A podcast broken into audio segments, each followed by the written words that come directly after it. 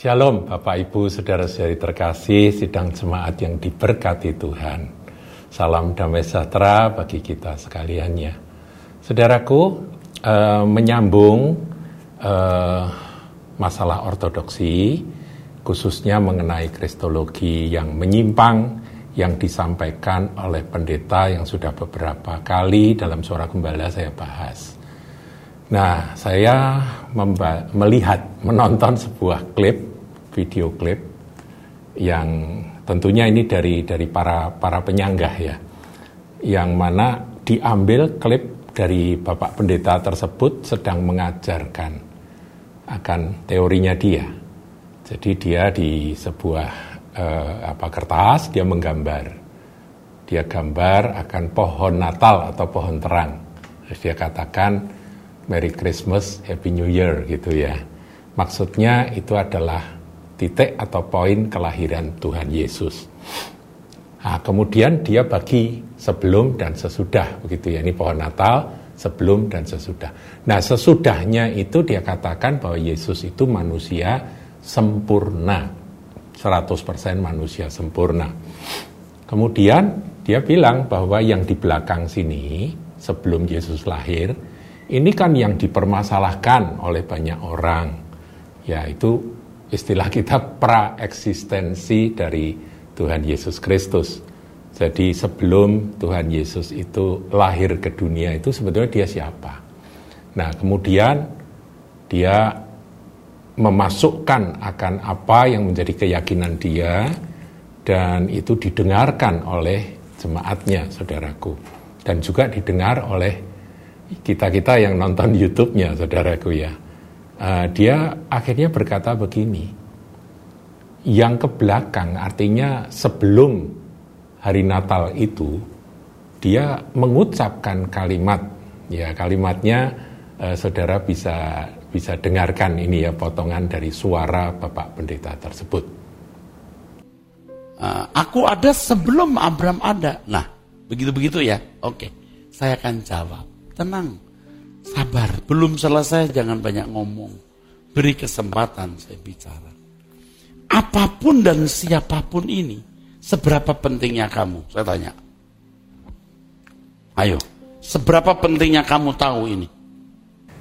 Iya, jadi dia katakan seberapa penting kita mengetahui uh, sebelum dia lahir. Seberapa penting Yesus Kristus sebelum dia lahir. Nah ini pertanyaan yang aneh saudaraku. Karena justru itulah yang diwahyukan di dalam narasi Yohanes 1. Paham ya saudaraku? Mengapa ada Injil Yohanes yang menarasikan pada mulanya adalah firman, firman itu bersama-sama dengan Allah dan firman itu adalah Allah en arche en holokos, kai holokos en prostanteon, kai theos en holokos. Itu justru narasi yang merupakan wahyu dari Roh Kudus melalui uh, hambanya murid Tuhan yang dikasih yaitu Yohanes itu itu menjelaskan betapa pentingnya kita mengetahui siapakah dia yang lahir itu? Sebelum dia lahir itu siapa? Ya kalau menurut Yohanes 1 ayat 1 saja kita tahu bahwa dia adalah firman yang sudah ada pada mulanya NRG jadi Allah ada firman itu sudah ada bersama-sama dengan Allah. Dan firman itu ya adalah Allah karena dia bagian dari Allah. Paham ya saudaraku? Nah kok dikatakan oleh pendeta tadi seberapa pentingnya kita mengetahui siapa Yesus Kristus sebelum dia lahir. Praeksistensi itu yang digambarkan itu. Ini aneh sekali. Kemudian dia lanjutkan, dia bilang yang kita butuhkan sebagai manusia uh, Yesus sebagai manusia sempurna. Coba kita dengar ya ini ini kalimat potongan dari kata-kata Pak Pendeta tersebut. Yang penting kamu membutuhkan manusia sempurna. Untuk menjadi aitios. Apa aitios? Pokok keselamatan. Yang kita butuhkan manusia sempurna yang jadi penggubah kita untuk kita bisa dikembalikan ke rancangan semula. Yang kita butuhkan manusia sempurna yang 100% manusia. Kita tidak membutuhkan 100% Allah karena Yahweh sudah 100%. Dia bilang yang kita butuhkan adalah Yesus sebagai manusia sempurna, manusia 100% manusia sempurna. Ini benar saudaraku. Dalam ortodoksi yang kita yakini, Yesus Kristus adalah 100% manusia. Dan Yesus sempurna, kita setuju. Tetapi dia menyangkal atau tidak mau ya, dia tidak mau e, mengetahui atau tidak mau tahu tentang sebelum Yesus lahir itu dia siapa. Padahal itu kan yang dinarasikan, yang diwahyukan melalui Yohanes yang dikasih itu e, di dalam Injil Yohanes 1. Ayat 1, ayat 2, ayat ayat 3 malah berbicara bahwa dialah pencipta, saudaraku. Segala sesuatu diciptakan oleh dia dan tidak ada suatu pun yang terjadi atau tercipta tanpa dia. Jadi sudah jelas bahwa Yesus itu adalah bagian dari Bapa, dari Allah. Tidak bisa dipisahkan, firman dengan Allah nggak bisa dipisahkan. Saya berapa kali harus menjelaskan ini. Saya berharap sidang jemaat kahal uh, tidak boleh ada yang dibingungkan dengan eh, pengajaran-pengajaran uh, yang menyimpang semacam ini ya sebab Allah tanpa firman bisu ban firman di dalam firman itu ada pikiran ada kebijaksanaan ada hikmat ada kecerdasan Allah jadi uh, Allah tanpa firman ya linglung. Kita nggak mau punya Allah yang linglung Allah yang bisu yang nggak bisa ngomong karena nggak punya firman. Logos ya. Bersama-sama dengan Allah. Kapan? Ya sejak semula dari kekal. Allah ada di situ logos ada. Itulah yang diwahyukan oleh Yohanes. Kemudian ayat 14 dikatakan kai holokos sarx egneto. Jadi firman itu telah menjadi manusia. Nah, inilah kelahiran Yesus Kristus Tuhan. Jadi Yesus Kristus itu 100% Allah. Nah, dia katakan ya ini kalimat yang dia sampaikan. Yang kita butuhkan manusia sempurna yang 100% manusia. Kita tidak membutuhkan 100% Allah karena Yahweh sudah 100%. Yang kita butuhkan 100% manusia. Ya, sudah dengar saudaraku. Kita tidak butuh Yesus yang 100% Allah. Loh, kok tidak butuh Yesus yang 100% Allah? Maksudnya apa? Saya nggak mudeng. Dia hanya mau menegaskan bahwa sebetulnya dia tidak percaya bahwa Yesus itu 100% Allah. Gitu aja kok muter-muter. Nggak mau terus terang. Sebalik, eh, sebetulnya kalau dia mau declare ya, saya tidak percaya Yesus 100% Allah kan, kan yang dia sampaikan Yesus tidak sederajat dengan Allah. Dulu pernah ngomong bahwa dia bukan Allah, tapi kemudian dia bukan ho theos itu itu dulu lima tahun yang lalu. Bukan teos kemudian dikoreksi bukan hoteos ya saudara maunya dia mau ke sana. Tidak peduli dengan apa yang tertulis di dalam Alkitab apa yang terwahyu di dalam firman Tuhan ini dia nggak mau tahu jadi dia bilang bahwa ya tadi tadi dia bilang gini ya kita tidak butuh Yesus yang 100% Allah karena Yahweh sudah 100% Allah Ya, ini saya ulang lagi. Pendeta tersebut tidak percaya bahwa Yesus adalah Yahweh. Itu aja. Nah, tentang itu saudara bisa mengikuti link pelajaran bahwa Yahweh itu adalah Yesus. Ya, ada dua kali saya menyampaikan pengajaran itu.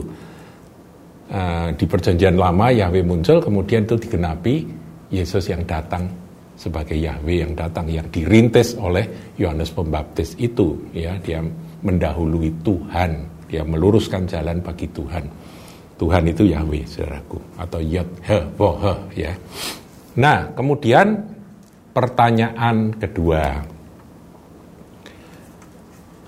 Ini yang disampaikan juga oleh pendeta tersebut.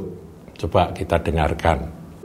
Kalau Yesus bukan 100% Allah, saya mau tanya, apa bahayanya untuk saudara? Kalau Yesus bukan 100% Allah, saya tanya, apa bahayanya untuk kita? apa bahayanya untuk kita? Wah ini kalimat yang dipakai menarik saudaraku. Ya jadi dia katakan begitu ya tadi Anda sudah dengar ya. Ya saya ingin sampaikan bahayanya saudaraku. Kita nggak boleh nyembah Yesus seperti yang kita lakukan saat ini. Saudara dan saya juga nggak boleh berdoa pada Yesus dan memang dulu dia pernah sampaikan akan pengajaran bahwa berdoa pada Yesus itu nggak benar salah karena tidak ada tokoh-tokoh dalam perjanjian baru yang berdoa kepada Yesus. Alamat doa itu adalah Bapa karena itu yang diajarkan Tuhan Yesus itu menurut pendeta tadi. Tapi itu sudah saya jawab ya. Bolehkah kita berdoa pada Tuhan Yesus? Nah contohnya kita ulang lagi saudaraku ya. Uh, siapa itu? Um, Stefanus, saudaraku martir pertama. Sebelum mati dikatakan bahwa dia berdoa. Ya Tuhan Yesus, terimalah rohku Loh, mau mati loh itu saudaraku, alamatnya harus benar itu. Kalau salah alamat kan masuk neraka nanti. Dia berdoa kepada siapa? Tuhan Yesus. Itu itu karena Yesus bukan Allah kok. Jadi kalau Yesus bukan 100% Allah, dia bilang, saya tanya, apa bahayanya untuk kita? Bahaya sekali, kita nggak boleh berdoa pada dia. Kita nggak boleh e, menyembah dia. Ya, jadi ku sembah kau Yesus itu nggak boleh itu nyanyi gitu. Karena itu dosa itu syirik gitu ya. Kenapa syirik? Ya ini saya sebut ya syirik tahu ya saudaraku me, menduakan Allah. Kita lihat perjanjian lama keluaran 20 ayat 3 saudaraku firman Tuhan dalam 10 firman Allah bunyinya begini. Jangan ada padamu Allah lain di hadapanku jadi nggak boleh loh saudaraku ada Elohim yang lain di hadapan Tuhan, di hadapan Allah. Lo yeleha Elohim akhirim alfanai. Tidak boleh, jangan ada padamu Allah lain di hadapanku. Itu bahayanya. Kalau Yesus bukan Allah, berarti kita sudah melanggar akan hukum ini.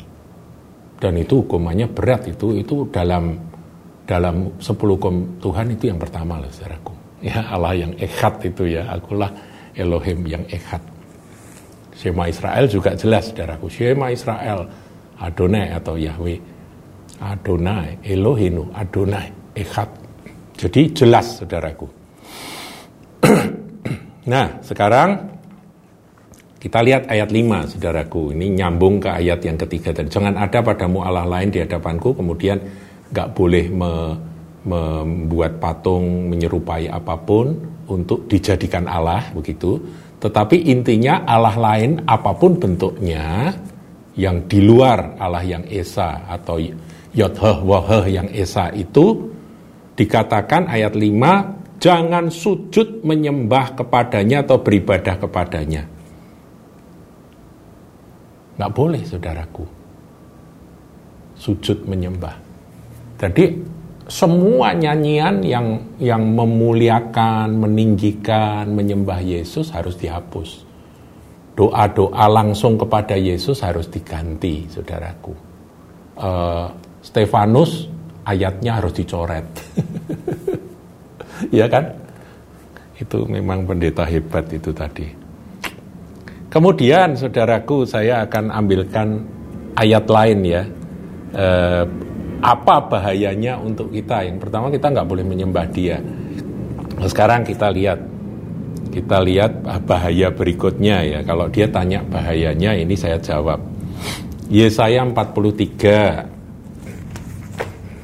Yesaya 43 ini perjanjian lama saudaraku ya.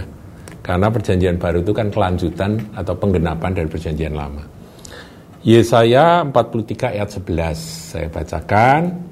Aku akulah Tuhan. Tuhan di sini Yodheh Voheh atau Yahweh atau Yehova atau Yahweh. dan tidak ada juru selamat selain daripadaku. Jadi nggak ada juru selamat selain daripadaku. Ya, makanya dia berkata, pendeta tadi, juru selamat itu bukan Yesus. ya, juru selamat itu Yahweh karena dia ngambil ayat ini, saudaraku ya. Oke. Jadi kalau Yesus bukan Yahweh, maka eh, itu bahayanya, saudaraku. Karena dia tidak mau mengakui Yesus adalah Yahweh. Jadi konsekuensinya ya kita apakah selamat atau tidak, saya nggak ngerti. Dia meyakini bahwa Yesus melaksanakan karya keselamatan itu, tapi penyelamatnya, juru selamatnya tetap Yahweh, karena dia mau memisahkan Yesus dengan Yahweh. Yesus itu bukan Yahweh begitu. Jadi kalimat di dalam eh, Yohanes 10 ayat 30, aku dan Bapa adalah satu, satu hakikat saudaraku. Itu dia tolak pasti. Saat aku di dalam Bapa, Bapa di dalam aku berarti ada dua pribadi itu ditolak. Ditolak. Bapa di dalam aku, aku di dalam Bapa itu ditolak sama dia. Karena Yesus hanya manusia biasa. ya. Jadi pelaksana keselamatan itu adalah Bapa atau Yahweh gitu. Makanya banyak yang suka Ibrani-Ibraninan itu pakai doa Bapak Yahweh, Bapak Yahweh. Lah Yesus bukan Yahweh begitu. Saya mau katakan Yesus juga Yahweh, saudaraku. Ini buktinya nah, sudah loh, sudah ada ya, ada dua dua pelajaran yang membuktikan bahwa Yesus adalah Yahweh. Nanti saudara ulang lagi itu di suara gembala judulnya Yesus adalah Yahweh. Um, sekarang Yesaya 45 ayatnya yang ke-21 bagian B. Bukankah aku Tuhan? Tuhan di sini Yahweh ya saudaraku ya Yahweh. Bukankah aku Tuhan? Tidak ada yang lain. Jadi nggak ada yang lain saudaraku. Tidak ada Allah selain daripadaku. Allah yang adil. Allah di sini Elohim ya. Elohim yang adil dan juru selamat. Tidak ada yang lain kecuali aku. Kalau aku di sini ini bukan Tuhan Yesus, saudaraku, nggak ada yang selamat. Kita mau percaya Yesus, kita juga tidak selamat, saudaraku.